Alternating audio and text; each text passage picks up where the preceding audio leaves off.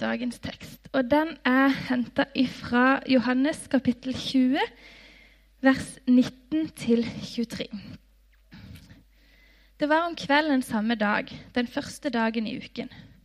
Av frykt for jødene hadde disiplene stengt dørene der de var samlet. Da kom Jesus. Han sto midt iblant dem og sa, 'Fred være med dere.' Og da han hadde sagt det, viste han dem sine hender og sin side. Disiplene ble glade da de så Herren.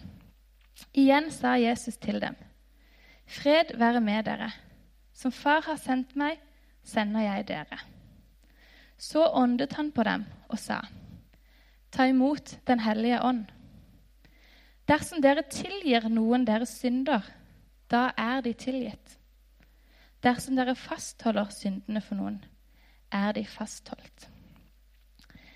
Kjære far, takk for at vi kan få lov til å samles her og feire gudstjeneste sammen. Vi er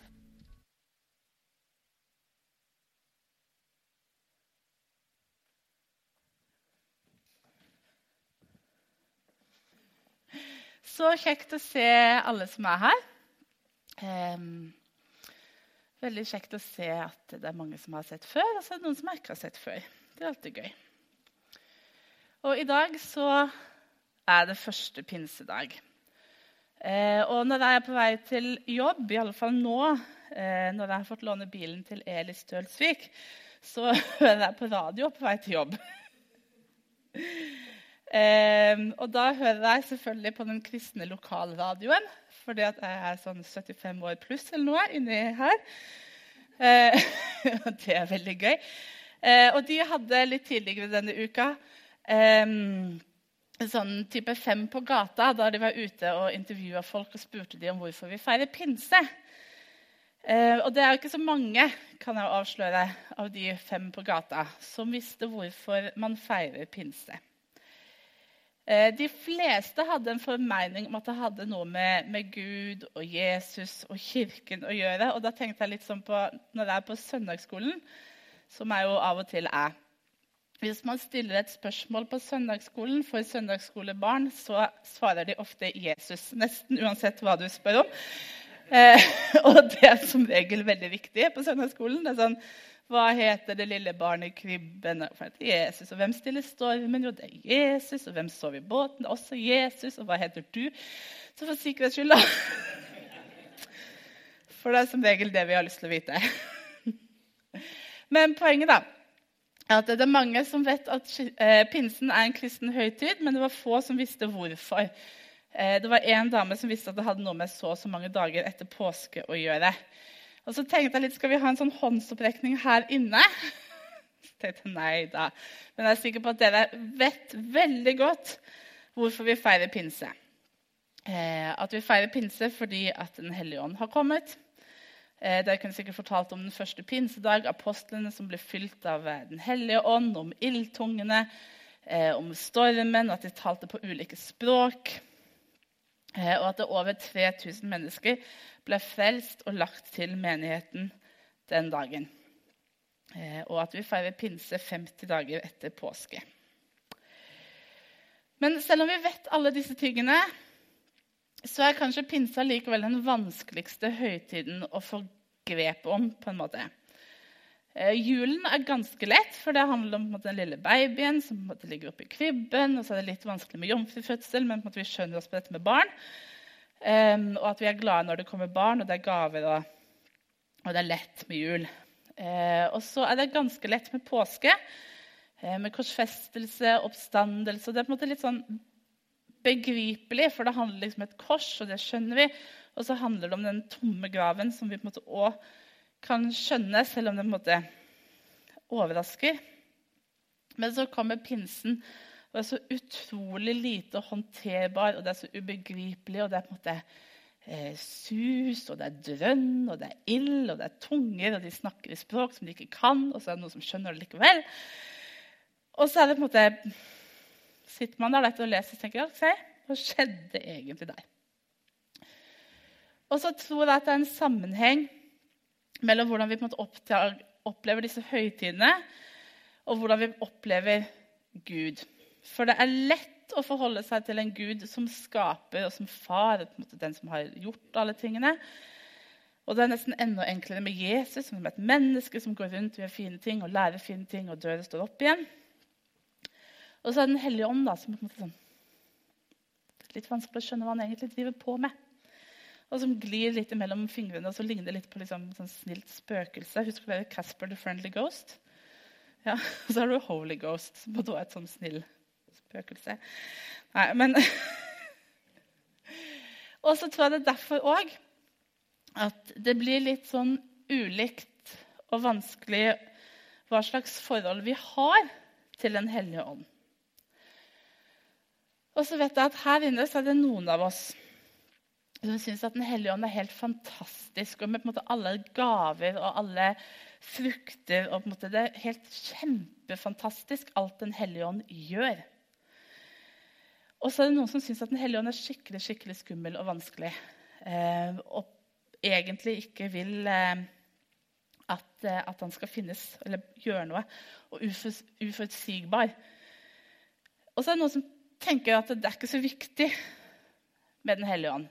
Vi klarer å forholde oss til Gud som skaper og Jesus som frelser. Og så vet vi at Den hellige ånd fins i denne pakken med treenighet.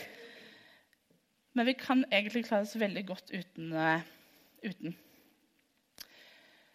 Når jeg var yngre enn det jeg er nå, ganske ung, uh, så hadde jeg et veldig snevert bilde av hvem Den hellige ånd er, og hva han gjør.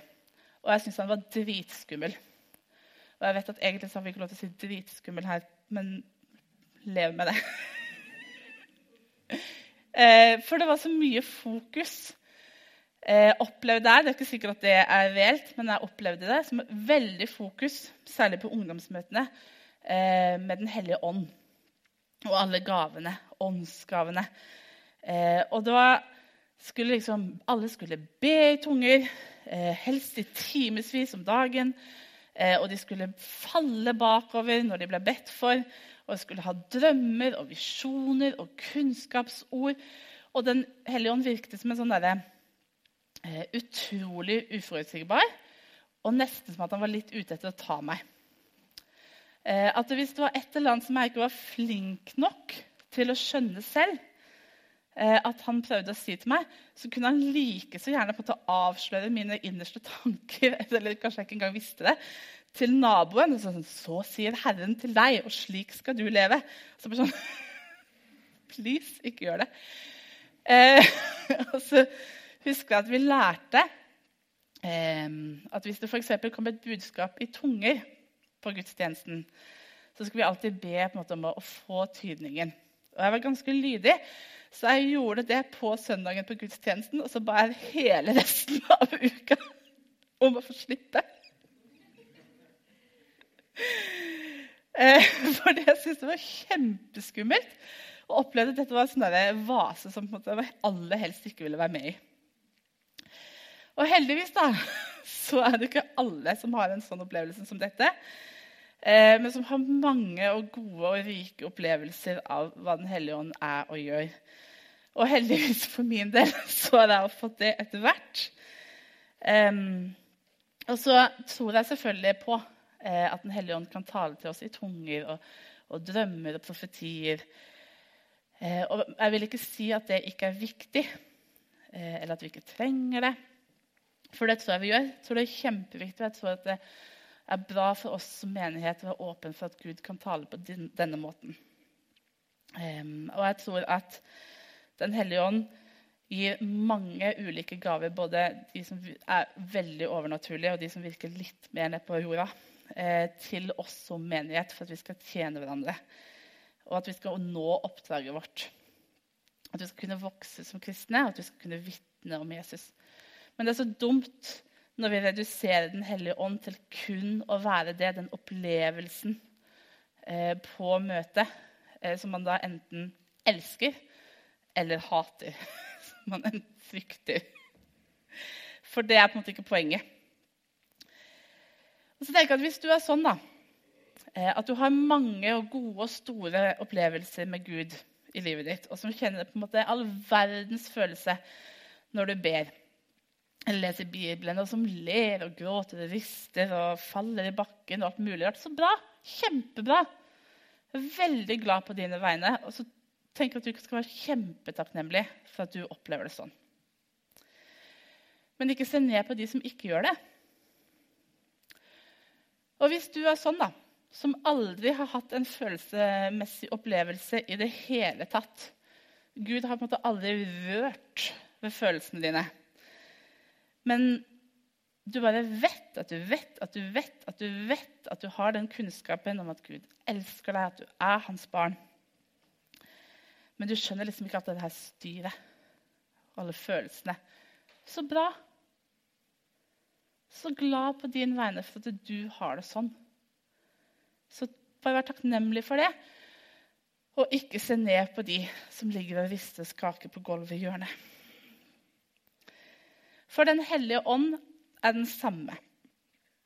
Men vi er ulike. Og det er klart at Gud som har skapt oss, og som kjenner oss og vet alt om oss, og mye mer om oss enn det vi sjøl vet, møter oss på ulik måte. Det hadde vært rart hvis ikke. tenker jeg.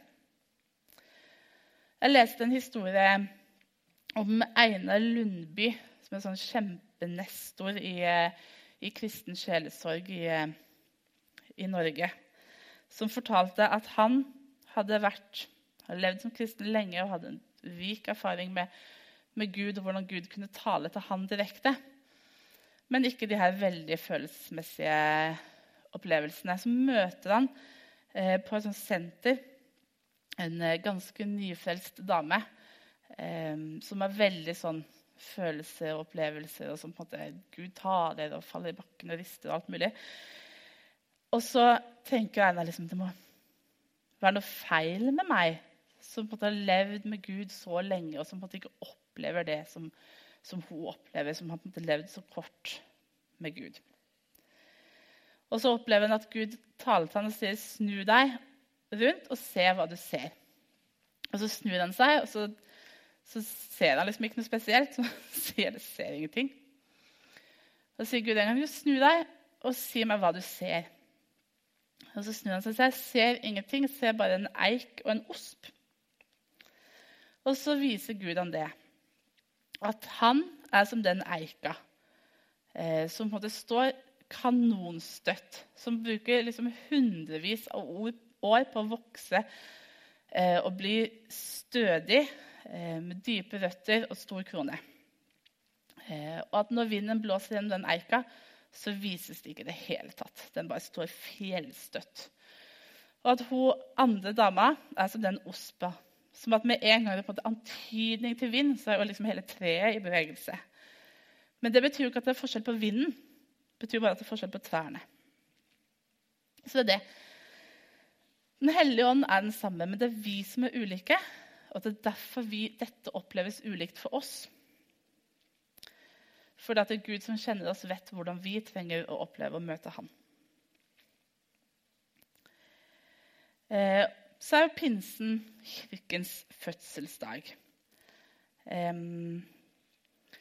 for det er det jo passende med gaver. Jeg tenker at Det som er pinsens gave, er nettopp dette at for første gang så er ikke Den hellige ånd tilgjengelig kun for enkeltmennesker. For sånn har det vært gjennom hele Det gamle testamentet. At Gud gir sin ånd til enkeltmennesker som en utrustning til en spesiell tjeneste. Men nå gir Gud Den hellige ånd til alle som tror på ham. Det er pinsens gave. Hans Eskil Vigdel, som het Grødem før, som noen av dere kjenner, for han var i denne menigheten da han var ung, som meg. Vi var unge sammen for ikke så lenge siden. ganske nylig, vil jeg si. Eh, nå jobber han som diakon i kirken på Sola, og han hadde skrevet en kronikk rett før helga om pinse. Og så vil jeg bare lese hva han skriver så bra om pinsen. skriver han. I pinsen, 49 dager etter at vi skrev 'Han er oppstanden' på Facebook, er det kirkens fødselsdag. Det var i pinsen alt startet. At våre liv ble katedraler for Gud det er verdt å feire. Men hvordan? Om ikke annet kan vi si til hverandre god pinse. Jeg setter pris på deg og fellesskapet, og jeg tar deg ikke for gitt. Pinse er kirkens start, ånden tiltredelse på jorden, han som skaper i oss og gjennom oss. Menigheten er ikke en klubb for spesielt interesserte, men for mennesker som Gud elsker. Og I pinsen, den første pinsen så skjer den store forandringen i disiplene. Som går fra å være elleve redde menn som gjemmer seg på et loft i Jerusalem, som er redde for myndighetene, som er redde for folkene og som nesten er redde for hverandre, for å oppleve nettopp dette. At de blir katedraler for Gud. At Gud selv flytter inn ved Den hellige ånd. At det er Gud driver frykten ut. Som Jesus hilser dem i den teksten som Helene leste. Fred være med dere. Og at det er Gud som gjør dem i stand til å vokse i troen og til å vitne om Jesus. Og dette er for alle som tror på ham. Og så leste vi, eller Helene leste teksten for oss. Og så står det der at Jesus puster på disiplene og sier, 'Ta imot Den hellige ånd'. Og Det som er interessant, er at det fins bare ett annet sted i Bibelen der det står at noen blir pustet på. Og det er helt i begynnelsen. Når, I Moseboken når det står om skapelsen, så står det da formet Herren Gud mennesket av støv fra jorden. Han blåste livspust i nesen på det, og mennesket ble en levende skapning. Så Den første gangen Gud puster på mennesket, det er når han puster livet inn i det, blåser liv inn i den skapningen av støv. Jeg ser for meg sånn keramikk fjerde-femte klasse på skolen. Du sitter og lager en sånn leirefigur. At Gud sitter litt sånn og former jorden og støvet. Og så blåser han liv inn i det, og så blir det levende mennesker. Han som kan skape liv av ingenting. Og den neste gangen, det er nå, i pinsen. Når han blåser liv i kirken. Når han blåser liv i oss og forvandler ordinære og vanlige mennesker, sånn som meg og deg, til greiene på sitt tre og lemmer på sin kropp og del av hans kirke. Så sier han, 'Ta imot Den hellige ånd'. Og Hvis du syns at Den hellige ånd er vanskelig, komplisert og skummelt, at du aller helst ikke ville hatt noe med Den hellige ånd å gjøre, så vil jeg si at hvis du er kristen, så er det altfor seint.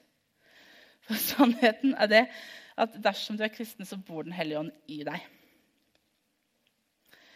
Og det var Den hellige ånd som hjalp deg, som pekte på Jesus og på det Jesus hadde gjort, på en sånn måte at du skjønte det, og at du tok imot det.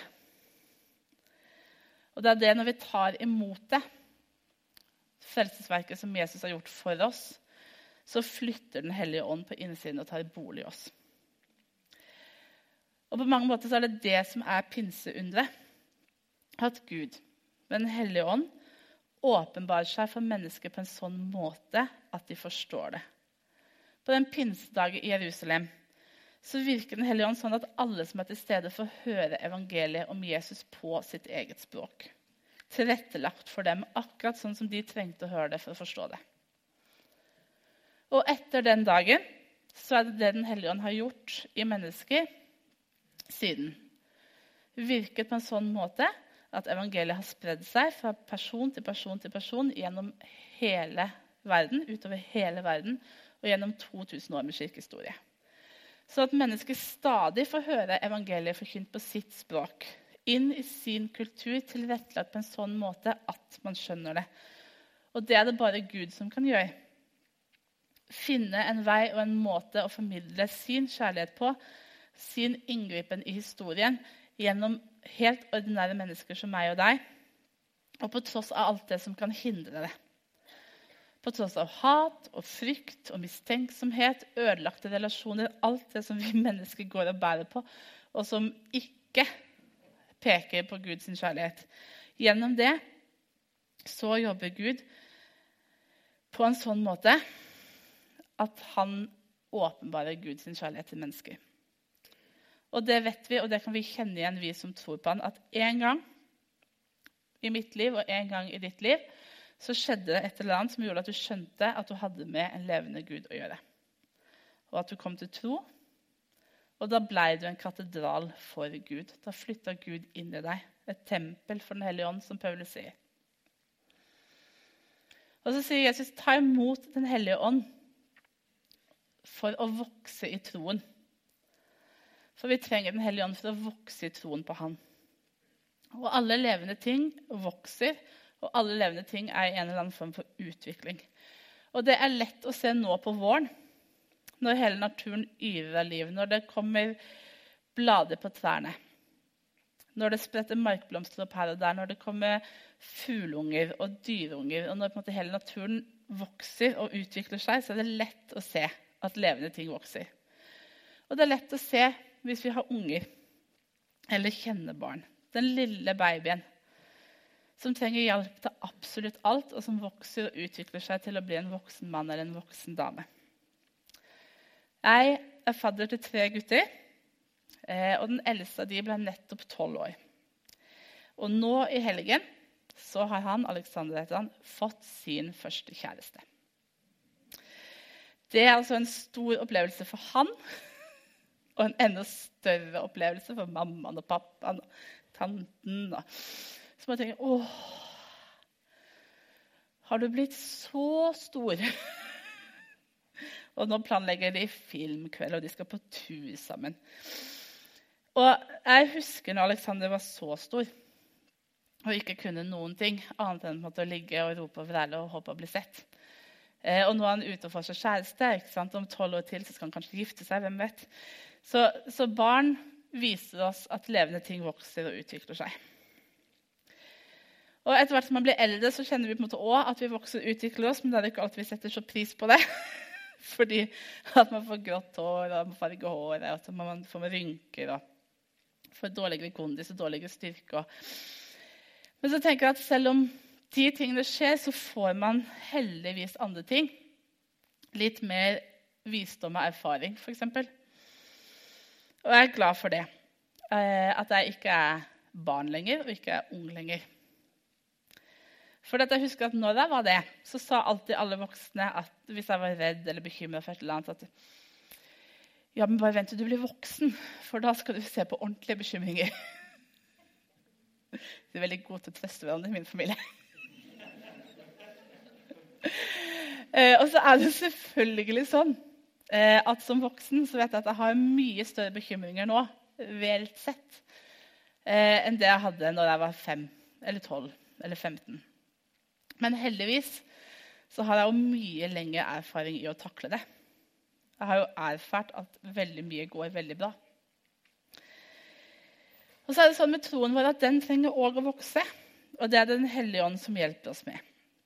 Som gjør at når vi sitter hjemme og leser i Bibelen, så skjønner vi hva vi leser, og hva det har å si for vårt liv her og nå. Den hellige ånd som hjelper oss når vi ber, når vi ikke helt vet hva vi skal be om, og hvordan vi skal be, som rettleder oss og viser oss det. Og Den hellige ånd som virker blant oss nå når vi er samla som fellesskap, gjennom forkynnelse eller samtale. Jeg vet ikke hvor mange ganger at jeg har opplevd at ting som jeg ikke har forstått og skjønt hvordan jeg skal håndtere, har stått soleklart for meg etter å ha snakket med noen andre. Fordi at Den hellige ånd kan jobbe gjennom den andre og tale inn i mitt liv. Og se ting fra et nytt perspektiv. Og den troen den trenger å vokse. Og så er det det at den vokser nesten av seg selv fordi at den lever når vi er i et levende forhold med Gud. Og så er det òg sånn, heldigvis, at troen får erfaring. At vi erfarer og vi får større tro fordi vi har opplevd at Gud som hjalp i går, også kan hjelpe i dag. Og så tror jeg at det som regel er på denne måten Den hellige ånd velger å tale til oss. I det stille og på nesten litt sånn kjedelig når vi vet hva han er i stand til å gjøre. Fordi jeg tror at noen ganger så taler Gud gjennom ord og bilder og tungetale og tydning og profetier og alle de her store, overnaturlige tingene. Eh, og Det kan vi be om, og det skal vi være åpne for, og det skal vi tro på, og vi kan ønske oss det. Og når det skjer, så skal vi være veldig takknemlige for det. Og så tror jeg at som regel så taler han til oss når vi ber, når vi leser Bibelen, og når vi er med andre kristne. At det er på en måte den normale måten å få høre fra Gud på. Men hva er målet da med veksten? Bare for å ta det helt kort. Nemlig at vi skal vokse i troen vår og bli mer lik Jesus.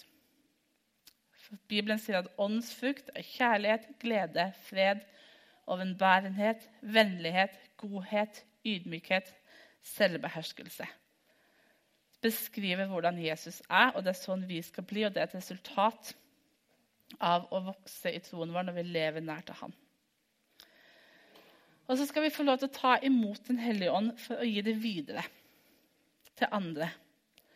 Fordi pinsen og pinseunderet markerer starten på kirken, og det var da det begynte. Og du og jeg vi er kalt av Gud til å være med og bringe evangeliet ut til andre. Og Det ligger på en måte i vårt DNA som kirke å ville nå ut. Det har Kirken gjort helt fra begynnelsen. Og Vi skal få lov til å samarbeide med Gud om det. Jesus han sier i Johannes 15.: Når talsmannen kommer, han som jeg skal sende dere fra far, sannhetens ånd som går ut fra far, da skal han vitne om meg. Men også dere skal vitne, for dere har vært hos meg fra begynnelsen av.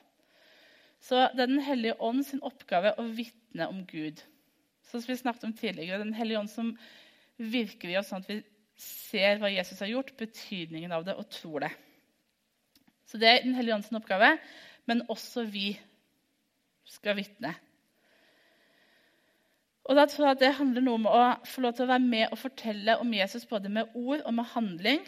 Eh, ikke på en måte være en sånn superkristen teltevangelist på en måte, som drar til Borneo eller hvor som helst eh, for å forkynne evangeliet. Men, men få lov til å investere noe i de vennene som vi har, kollegaene som vi har, og familien som vi har, som ikke kjenner Gud. Og La de få komme litt tettere inn på vårt liv eh, med Gud og få lov til å vise fram noe av det Gud gjør i oss og gjør i meg.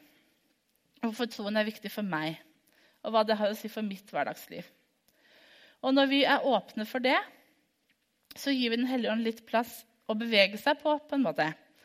Så at han kan få lov til å gjøre det som bare han kan gjøre, nemlig å skape tro. Og gjøre det forståelig og tilgjengelig for andre, sånn at de opplever at Gud taler til dem på sitt språk. Sånn som han en gang har gjort for meg, og for deg og for så veldig, veldig mange andre mennesker. Fordi at som far har sendt meg, sender jeg dere, sier Jesus. Sånn at vi kan få lov til å være en del av den bevegelsen som starter i pinsen, med at kirken brer seg utover. Og så er spørsmålet hvor er vi i dag? Hvor er du i dag? Kanskje trenger du i dag at Den hellige ånd skaper noe tro i deg. Kanskje trenger du at Den hellige ånd hjelper troen din å vokse litt. Eller kanskje trenger du hjelp med at Den hellige ånd kan hjelpe deg med å dele troen din med andre. Men tenker jeg at Uansett hva som er vårt behov her og nå, uansett hvordan vår tilstand er, så er Den hellige ånd den samme. Den samme Hellige ånd som virker i oss, men han kan gjøre forskjellige ting ut ifra hvor vi er. Og at Noen ganger så handler det på en måte om å få økt troen, andre ganger så handler det om å vokse i troen. Og noen ganger så handler det om å få et lite puff i rumpa for å gå ut og dele den troen som vi har. Men uansett så trenger vi at det er Den hellige ånd som gjør det.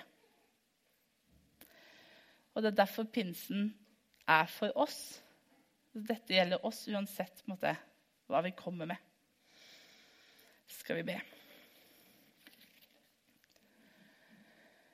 Kjære Herre, jeg har lyst til å takke deg for at du har gitt oss eh, din Hellige Ånd til eh, å bo i oss og til å tale til oss, noen ganger på overnaturlig vis og andre ganger på veldig naturlig vis. Takker deg for eh, at det er du som virker i oss, sånn at vi tror på deg. At det er du som virker i oss, sånn at vi kan høre deg når du taler, at vi kan følge deg når du leder. Jeg takker deg for at det er du som virker i oss når vi går ut og deler troen vår med andre. Og at du virker i dem, sånn at de kan få se hvem du er, og hva du har gjort. Helligånd, jeg ber om at du skal komme hit nå. Du skal være her midt iblant oss. Og at du skal gjøre det som bare du kan, og som du alltid gjør, nemlig å, å tale til og møte hver enkelt av oss der som vi er, ut ifra de forutsetninger som vi har.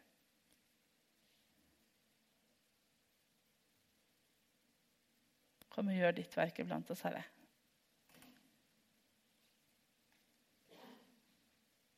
Amen.